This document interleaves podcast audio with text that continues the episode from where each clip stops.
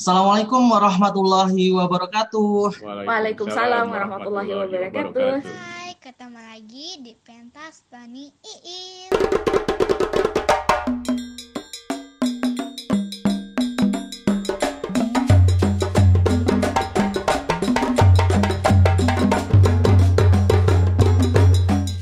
Hai hai hai teman cerita semuanya, apa kabar nih? Selamat datang di Pentas, PNS Cerita Integritas. Semoga sehat selalu ya. Ya, tetap sehat dengan patuh pada protokol kesehatan, jaga jarak saat sedang di Hmm. ruang publik dan hindari kerumunan, jaga kebersihan tubuh dan lingkungan, makan sehat dan olahraga teratur. Jika ada gejala kurang sehat, segera praksekan diri ke dokter. Nah, selain kesehatan, kita juga harus selalu mengutamakan keselamatan. Jadi untuk teman cerita semua nih, yang lagi mendengarkan Kes Pentas ini juga tetap harus waspada ya, utamakan keselamatan. Kalau teman cerita lagi beraktivitas dengan konsentrasi yang tinggi, kami sarankan untuk pause terlebih dahulu dan lanjut mendengarkan ketika punya waktu yang luang. Betul sekali Kak Tony. Kita kan nggak ke mana-mana ya. Hmm. Kita tetap ada di kanal kesayangan kita semua. Ada di YouTube, di Benar. podcast, di Spotify maupun Anchor. Juga teman-teman cerita bisa subscribe ya. Jangan lupa follow kami juga di Instagram dan Facebook at PNS Cerita Integritas biar tidak ketinggalan di tiap episodenya. Betul. Nah, Kak Is, ini tumben nih kita muncul di tengah minggu. Biasanya Iya. kalau kita kalau nggak di weekend, ya Hari kalau Senin di weekend ya. kita di awal, iya di awal minggu. Nah, ini ada apa nih Kak Is? Nah iya nih Kak Tony, ini kan kita udah di penghujung tahun 2020 nih. Kita sama-sama Hmm. tahu nih kalau tahun 2020 jadi tantangan berat buat kita semua untuk menyesuaikan diri Benar, terhadap benar. kebutuhan perubahan khususnya di interaksi sosial kita Kak Tony. Benar, benar. Jadi eh, 2020 ini memang tantangan banget baik eh, bagi kita yang bekerja, kita yang anak-anak kita yang sekolah, negara kita juga dalam tengah di tengah eh, ancaman krisis, di tengah pandemi. Sebagai penyuluh anti korupsi juga punya tantangan tersendiri nih menghadapi tahun 2020. Tapi tantangannya bukan integritas ya yang harus menyesuaikan, tapi aksinya ya Is. Jadi mungkin teman-teman kalau penyuluh anti korupsi ini sebelum pandemi melanda ini Mhm. dapat melakukan kegiatan secara luring ya, tatap Ya. muka secara langsung. Betul. Biasanya ada talk show, dialog, kemudian membuka kelas-kelas di eh, ruang kelas di mahasiswa misalkan atau di Iya. sekolah-sekolah, ghost to school. Main Main board board game, game. bener. Heeh. Nah, tapi masa pandemi ini kita perlu menyesuaikan diri ya. Mm-mm. Penyuluh anti korupsi juga dituntut untuk menemukan cara-cara yang baru, yang kreatif dan efektif, berdampak juga untuk Ya. menyesuaikan pada sistem interaksi yang baru. Bener banget nih Kak Tony. Nah di episode spesial Hmm. kita kali ini kita mau manfaatin untuk ikutan tradisi pergantian tahun yang selalu ngetren Kak Tony yaitu refleksi dan resolusi. Tentunya kita Benar-benar. nggak sendi tentunya kita nggak sendirian dong Kak Tony di sini. Oke, berarti kita nggak cuma berdua ya. Iya pastinya. Kedatangan tamu yang spesial. Nah, Wow. seseorang yang tidak asing lagi di dunia edukasi anti korupsi. Nah, kalau tem- kalau teman-teman penyuluh anti korupsi ini mendengarkan podcast ini pasti tidak asing lagi dengan namanya. Oh Panutan kita bersama gitu lah. wow siapakah dia? Sok kita tes pakai salam dulu ya. Kira-kira pada familiar nggak nih dengan suaranya? Assalamualaikum. Master. Waalaikumsalam warahmatullahi wabarakatuh. Masya Allah. Masya Allah. Sehat ya, Master. Eh, perkenalan dong, Master siapa ya ini? Alhamdulillah, luar biasa. Ya. Kita kedatangan Master Sandri Justiana, seorang penyuluh anti korupsi utama yang sehari-hari juga beraktivitas di Pusat Edukasi Anti Korupsi KPK. Yeay, apa kabar Master Sandri?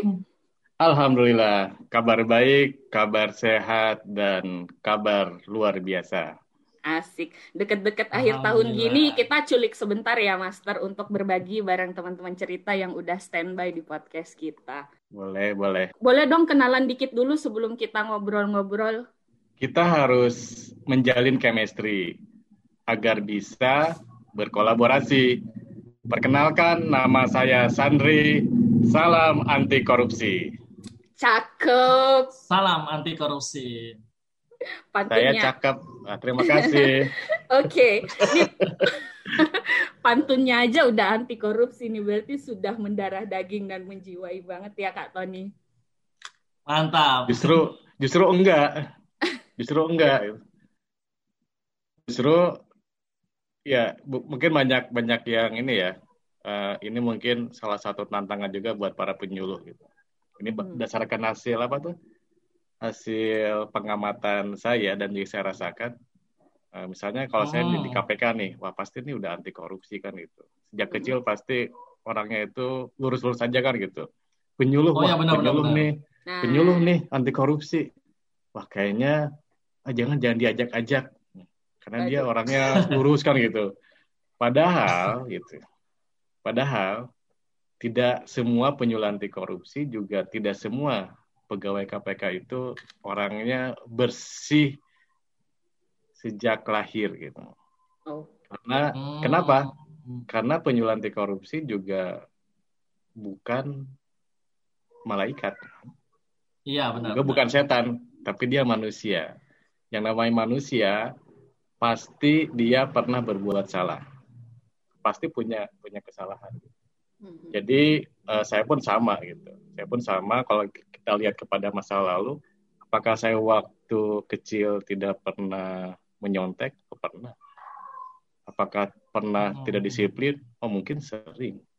Tapi benar. yang penting adalah sekarang bukan melihat ke belakang. Ke belakang perlu kita lihat sebagai ibaratnya kalau kita eh, mengendarai mobil gitu.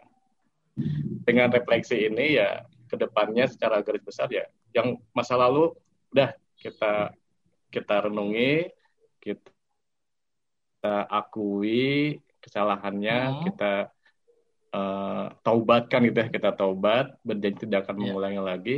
Dan sekarang kita lihat ke depan gitu. Jadi buat para penyuluh justru banyak tokoh-tokoh yang memang eh, sekarang ini menjadi apa? Menjadi idola atau menjadi panutan itu Hmm. tidak jarang masa lalunya pun kelam gitu. Ya, contohnya kayak Iya, benar, benar, sahabat benar. Nabi ya Umar bin Khattab kan itu. Itu kan Iya, ba- mm-mm. bagaimana dia kelamnya masa lalunya kan gitu. Tapi justru kekelaman itu tidak menjadikan dia sebagai penyesalan yang berkepanjangan, tapi dia Iya. udah move on kan gitu. Nah, Gitu Mas Aris. Benar, benar sekali, eh, Master Sandri. Jadi eh, tujuan kita ad- eh, apa namanya penyuluh anti korupsi maupun pegawai KPK itu bukan malaikat juga bukan setan. Yang pasti adalah mereka kita semua di sini terus bergerak menuju eh, sesuatu yang lebih baik. Salah satu caranya adalah merefleksikan apa yang sudah kita lakukan di 2020 untuk membangun resolusi yang lebih baik lagi di tahun 2001 2021. Eh, kalau gitu kita bisa langsung masuk ke sesi tanya-tanyanya. Master Sandri, mau tanya dulu dong, selama tahun 2020 ini, Master Sandri tetap melakukan penyuluhan kah? Padahal kan kita tahu kondisinya nih berubah drastis ya, Master. Eh, Sekarang interaksi sosial benar-benar dibatasi. Apakah eh, Master Sandri tetap melakukan penyuluhan dan apakah menemui tantangan saat melakukan penyuluhan dengan metode-metode yang beradaptasi pada kondisi pandemi COVID ini, Master? Silakan. Jadi tentu saya tetap melakukan eh, penyuluhan. Nah, hanya memang eh, pengalaman saya kemarin eh, full saya tidak boleh dibilang tidak melakukan kegiatan tatap muka.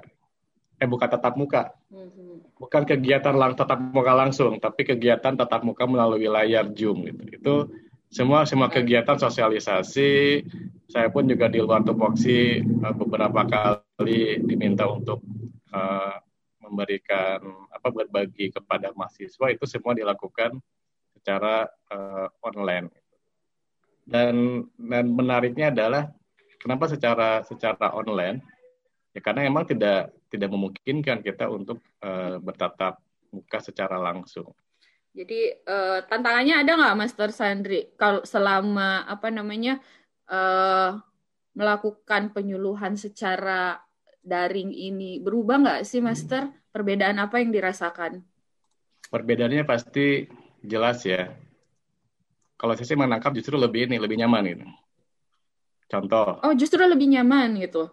Secara ada ada hal ada hal positif, ada hal negatif. Saya bicara hal positifnya, lebih lebih nyaman. Mm-hmm. Pertama begini. Misal nih, saya harus melakukan sosialisasi di uh, ke sebuah ke beberapa provinsi kan itu. Kalau dulu misal saya harus ke Jawa Timur, maka uh, kalau acaranya hari Selasa, saya Senin harus berangkat. Senin harus berangkat kan itu. Mesti berangkat menyiapkan tiket, menyiapkan perlengkapan, naik pesawat, ya. turun di bandara, naik mobil ke penginapan, kemudian datanglah ke tempat gitu. Tempat acara. Nah, Jawa Timur itu kan luas misalnya. Tempat acara ya. kan di Jawa Timur kan luas gitu. Itu kan misalnya uh, yang hadir itu mungkin harus uh, dari berbagai di 30-an lebih kota kabupaten gitu. Nah, datanglah seperti itu. Kadang-kadang di yang jauh-jauh tuh nggak ada gitu. Jadi kalau ke Jawa Timur kita ingin mengkapar semua, kita mungkin harus ke beberapa tempat.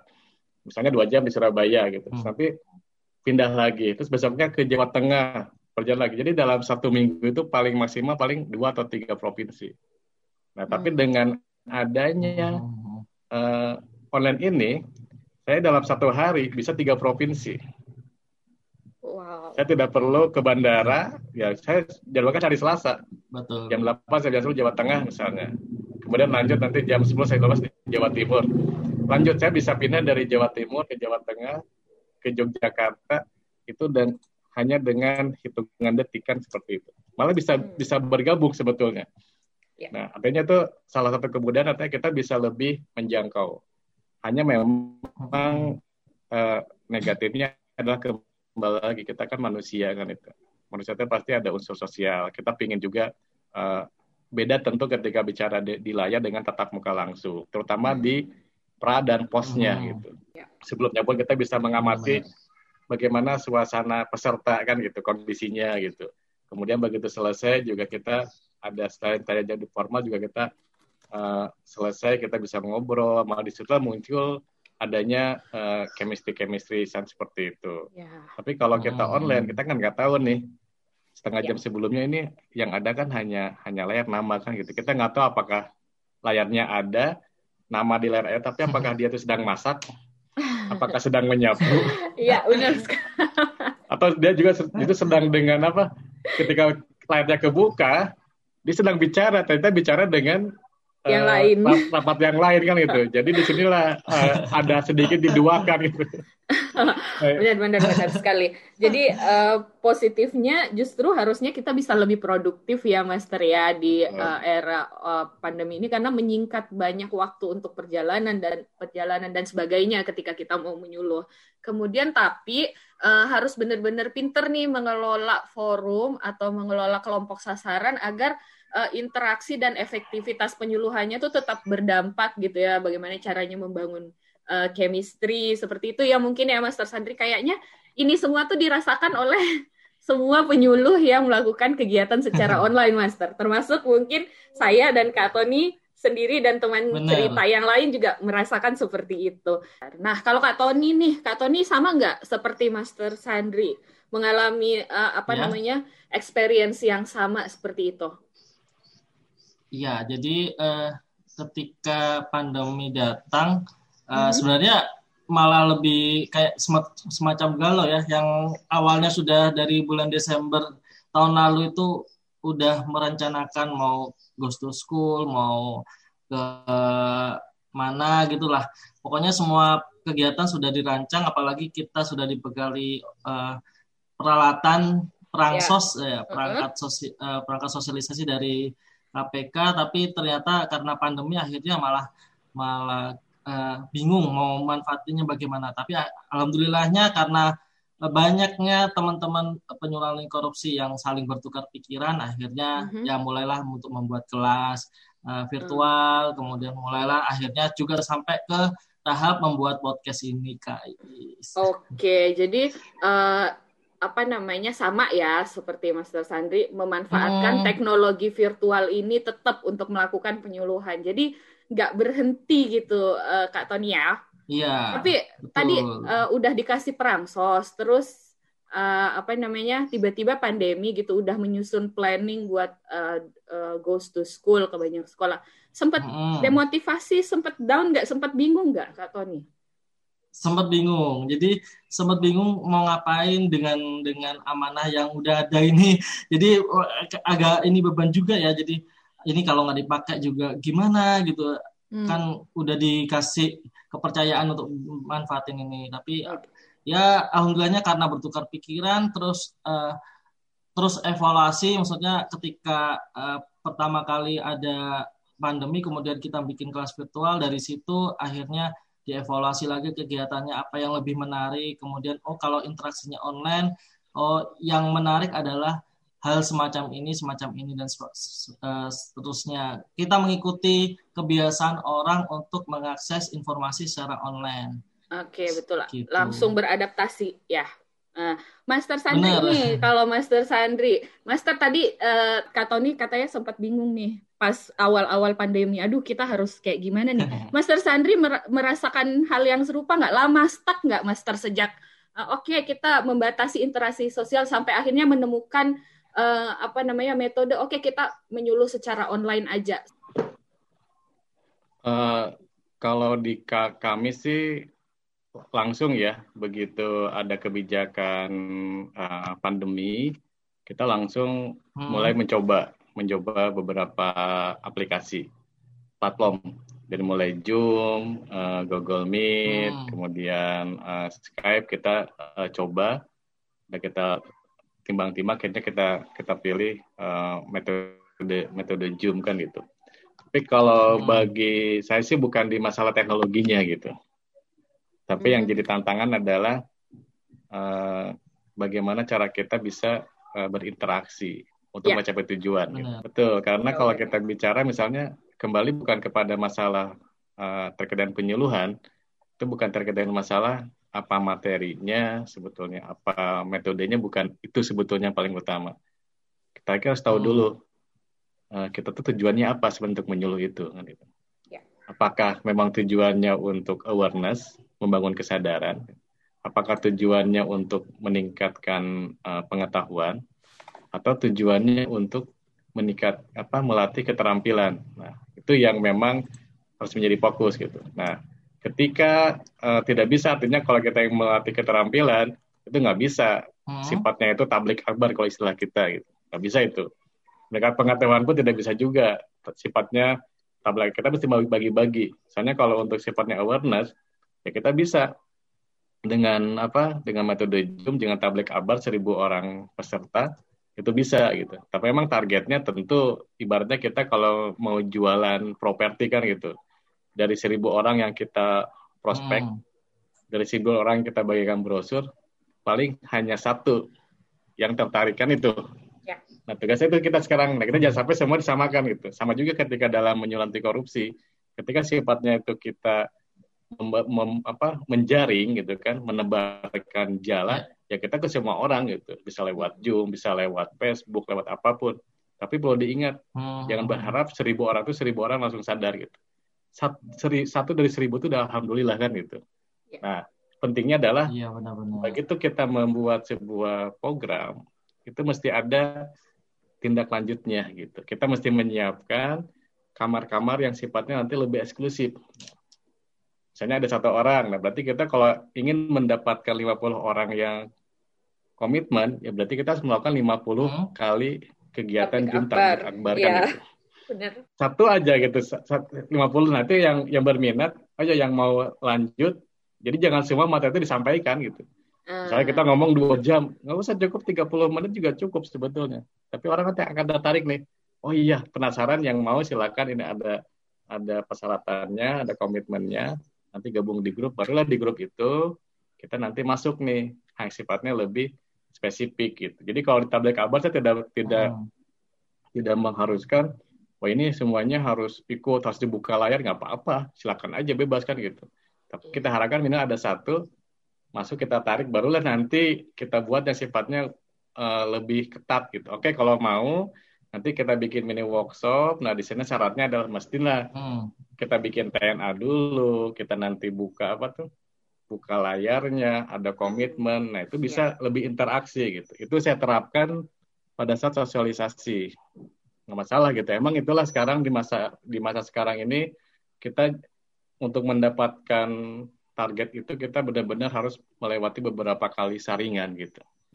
Memang nggak semua ikan bisa masuk ke jala kita, tapi bagaimana memanfaatkan atau memberdayakan ikan yang masuk ini ya Master Sandri untuk biar uh, eksklusif dapat ruang yang eksklusif penyuluhan hmm. eksklusif dari kita. Kalau ini kan kalau masa uh, di dalam online ini kan agak memang ada tantangan tersendiri untuk membangun interaksi dan uh, berkelakkan karena memang uh, interaksi sosial secara fisik kan kita tidak bisa uh, bisa terus uh, jaga. Kemudian kalau online kan ya kayak Master Sandi bilang itu uh, konsistensi untuk di depan layar atau sambil mengerjakan hal yang lain itu kan juga susah. Jadi jadi uh, bagaimana apa sih motivasinya Master Sandri ini untuk uh, tetap menyuluh, melakukan penyuluhan ini di masa yang pandemi yang serba terbatas ini? Ya tentu uh, kita simpel begini aja. Apa yang membedakan uh, di masa pandemi ini dengan di luar pandemi? apa yang membedakan sebetulnya? Ada ada sebuah perusahaan atau bisnis hmm. yang itu justru berkembang tanpa tetap muka. Apa itu? Iya benar-benar. Gojek. Uh, Sebut on, merek lagi. Shopping online ya. Iya. layanan online. Seperti barusan saya juga dapat layanan online. Saya ketika ketika di rumah mungkin dalam satu hari itu bisa beberapa kali paket paket kan gitu. Nah, bayangan saya sebetulnya uh, mengapa gitu. Dulu orang tuh ada ada perubahan budaya kan gitu. Nah, itu mesti kita ya. kita siasati sekarang. Pertanyaannya adalah bagaimana sekarang masyarakat mau membeli uh, produk kita kan gitu. Mau membeli hmm. program kita. Nah, tentu kita harus mengetahui apa sih sekarang yang perlu ada survei ini sebetulnya. Apa sih yang disukai pada masa pandemi ini? Selain okay. selain belanja kan gitu ya kalau mungkin belanja hmm. online, mungkin kita bisa nih ke para para penyuluh nih. Kan yang namanya penyuluh itu kan ada tiga ada tiga unsur kan. Ada penyuluhnya kita, ada yang hmm. disuluhnya, hmm. ada pesannya. Nah pesannya okay. itu itu nggak akan berubah. Mau online mau offline pesannya sama. Yang membedakan metodenya. Ya, Mungkin ya, sekali. penyuluh nih nanti membuat produk-produk yang memang dibutuhkan tapi mengandung pesan. Misal, hmm. kenapa kita nggak nggak bikin masker dengan desain yang menarik, tapi ada kontennya. Nah kontennya tentu harus disesuaikan dengan dengan uh, segmen. Kita jual kan gitu, kan nanti enak nanti. Misalnya kita bikin uh, uh, apa masker yang pesannya itu adalah jujur itu juara kan gitu misalnya. Nanti banyak okay. pesan kan gitu, banyak pesan nanti paket apa nih pesan jujur itu juara bisa jadi kenapa enggak gitu? Kenapa kita nggak bikin produk-produk yang disisipi dengan warnanya dengan pesan-pesan anti korupsi gitu. Nah, pertanyaan sekarang adalah gimana kita bisa menggunakan tren ini gitu. Kalau anak muda sukanya apa? Lagu misalnya, sukanya nonton YouTube, nonton apa pun. Nah, kita bisa bisa masuk ke sana ke dunia mereka, tinggal kita sisipi seperti itu. Itu mungkin salah satu yang bisa digunakan untuk awareness tapi kalau untuk nanti yang udah mulai tertarik, sudah berkomitmen, kita bisa menggunakan metode-metode yang seperti saat ini gitu. Kita terbatas ya 20 orang gitu. Kita cek juga sekarang pelatihan-pelatihan mungkin bisa jadi sifatnya bukan untuk komersil ya gitu. Tapi pengalaman hmm. saya ketika kita mengadakan kelas Zoom, workshop, itu beda ketika gratis. Maka walaupun yang datarnya itu 200, paling hadir beberapa orang. Iya. Tapi beda ketika diganti nih, ada biaya investasi seratus ribu gitu. Itu dia akan bela-belain hadir. Kenapa? Gua udah bayar gitu. Nah, itu juga mungkin salah satu yang nanti bisa teman-teman siasati gitu. Tapi artinya ini bukan buat komersil, tapi ada biaya komitmen, biaya investasi yang nanti bisa ditukarkan gitu, ditukarkan dengan yang sifatnya mungkin merchandise atau apa. Produk-produk yang menarik itu tadi ya, Master ya, ditukarkan dengan itu ya, gitu. Betul, misalnya. betul. Ah. Jadi kita sebetulnya di sini dibeli pelajaran banget nih, bagaimana kita shipping dari uh, era sebelum pagebluk dengan era pagebluk ini gitu. pagebluk. Benar. Oke. Okay. Pagebluk itu pandemi ya bahasa Indonesia pagebluk gitu. Iya iya. Kita bisa bisa bisa yeah. belajar gitu. Bagaimana tetap ada kan gitu. Nah itu yang nanti emang perlu ada uh, kreasi-kreasi kalau dalam bayangan saya tadi awareness-nya kita mesti masuk dulu karena jangan sampai kita ngasih sesuatu yang dia tidak mereka belum paham gitu. Nah nanti ke depannya tetap untuk mengingatkan reminder-reminder. Nah, bisa jadi kita bikin hiasan-hiasan. Pokoknya saran saya sekarang coba cari hasil survei marketing era marketing di 2020 dan outlook marketing 2021. Dari mulai segmentasinya, dari mulai apa yang trennya itu nanti harus kita masukin hmm. di 2021 seperti itu. Hmm, benar-benar benar. Nah, bisa jadi resolusi para penyuluh anti korupsi di tahun 2021 ya, Kais. Iya, benar sekali Kak Tony. Hmm. Tadi uh, dari motivasi hmm. menjadi resolusi tahun 2021, Mas Santi mengatakan kita harus ini nih keep up dengan trennya gitu. Bagaimana caranya uh, membuat penyuluhan anti korupsi itu menjadi sesuatu yang menarik, ikut tren gitu. Jadi hmm. adaptif seperti hmm. itu ya. Uh, sepertinya bisa banget nih buat teman-teman penyuluh atau buat teman-teman pegiat anti korupsi untuk uh, coba mempraktekkan resolusi tersebut. Hmm. Iya, kita juga akan mempraktekkannya kayaknya guys. Kita akan lihat trennya, uh, tren uh, apa habit uh, di masyarakat di tahun 2020 kemarin yang bisa kita resolusikan di 2021. tahun 2021. Iya, kita nggak mau dong Kak Tony setahun udah ngerem-ngerem terus jadinya malah stuck terus di rumah gitu kan. Kita uh, membuat momentum tahun 2021 ini menjadi lebih berdaya. Asik. Hmm, asik. Nah, oke okay, teman cerita itu tadi refleksi dan resolusi dari Master Sandri Justiana. Ya. Bisa banget jadi dorongan kita semua, motivasi kita semua dan uh, mudah-mudahan menjadi ini ya wawasan kita uh, ke depan nanti kalau kita mau menyuluh itu seperti apa dengan tren yang baru seperti ini di era pandemi ini. Mungkin kalau kita nanti sudah selesai pandemi kita bisa uh, mulai berkreasi lagi. Tapi dengan uh, era pandemi ini kita bisa melihat kebiasaan-kebiasaan uh, orang masyarakat untuk uh, mengamati produk-produk termasuk uh, kita kan sedang menjual produk ya kak. Produk mm-hmm. penyuluhan gitu ya. Ya betul. kesadaran masyarakat. Nah itu kita ceritakan dulu awareness dari masyarakat biar uh, sadar dulu uh, terhadap uh, isu-isu korupsi. Kemudian setelah kita dapatkan uh, masyarakat yang mungkin berminat untuk uh, ikut serta kita ingatkan terus menerus kita jaga dan kita pelihara kita rawat lah gitu kayak gitu Kak Iis. Iya betul sekali kata Mas Sandri tadi yang lalu hmm. biarlah berlalu kita nengok ke belakang ambil pelajarannya aja kemudian kita adaptif maju ke depan dengan tekad dan semangat yang baru. Master Sandri boleh dong kasih closing hmm. statement buat teman-teman cerita di rumah. Ya, itu emang menjadi salah satu apa kita setiap tahun selalu membuat resolusi dan begitu ketemu tahun berikutnya ternyata resolusi kita belum terlaksana maka uh, teruslah di diperpanjang. Nah, ini pun sama sering saya saya alami juga sehingga memang kita perlunya hmm. di sini sebuah apa sebuah komunitas semua yeah. ada forum untuk saling mengingatkan maka yuk hmm. uh, sama-sama kita buat resolusi yang realistis jadi kalau okay. saya kemarin dengar podcast di seorang pemain sepak bola uh, harapan tuh perlu target itu perlu dicanangkan, tapi jangan terlalu ambisius gitu. Okay. Tapi kita harus perbanyak okay. ikhtiar dan dan doa. Dan yang paling penting lagi adalah saling mengingatkan. Jadi uh, menarik nih, saya dapat ini nih, dari Pak Mas Master Hing, Hindrata Nikolai. Nah, pasang targetmu. Hmm. Punya target spesifik itu seperti menyetel GPS mental walau jalan berliku dan sulit, okay. kamu tidak kehilangan arah. Targetmu, panduanmu. Siapkan diri merebut peluang yang akan datang, pasang targetmu. Nah, ketika kita akan bikin target, mungkin bagus nih setelah kegiatan ini, kita sama-sama bikin hmm. acara, bikin resolusi bareng 2021. kemudian nanti uh, kita buat dalam bentuk apa pun, di, saling sharing nih, saling sharing. Nanti kita saling hmm. mengingatkan gitu. Jadi ibarat seperti Muhammad Ali.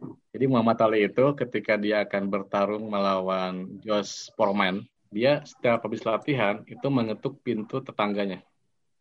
Tok tok tok, saya Muhammad Ali, saya akan mengko Josh Foreman. Terus ke setiap tetangganya itu, setiap hari itu. Kenapa? Karena saya sudah menyampaikan resolusi saya, maka itu secara hmm. bawah sadar menegaskan saya sudah menyampaikan ke orang lain malu dong kalau nggak kecapekan seperti oh. itu. Oke. Okay. Nah, akhirnya sama juga kita sekarang kita punya resolusi. Nah, biar resolusi hmm. yang saya sampaikan tadi tahun depan tidak panjang resolusi tahun 2021. kita harus seperti itu kita buat resolusi, target, sampaikan ke yang lain, nanti sama-sama kita saling mengingatkan. Oke. Jadi PR nih Kak Tony bisa nih kita bikin. Iya.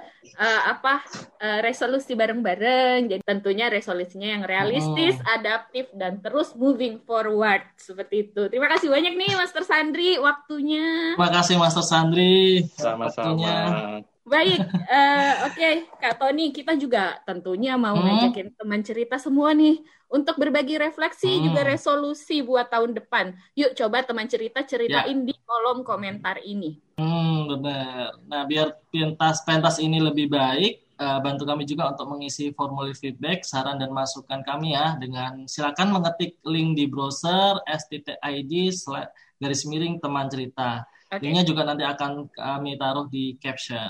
Betul. Selain itu, teman cerita bisa mengajak kami bekerja sama atau berkolaborasi dengan hmm. kontak kami langsung ke email pnsceritaintegritas@gmail.com atau bisa direct message hmm. Instagram dan Facebook kami at PNS Cerita Integritas atau chat kami hmm. di mana Kak Tony?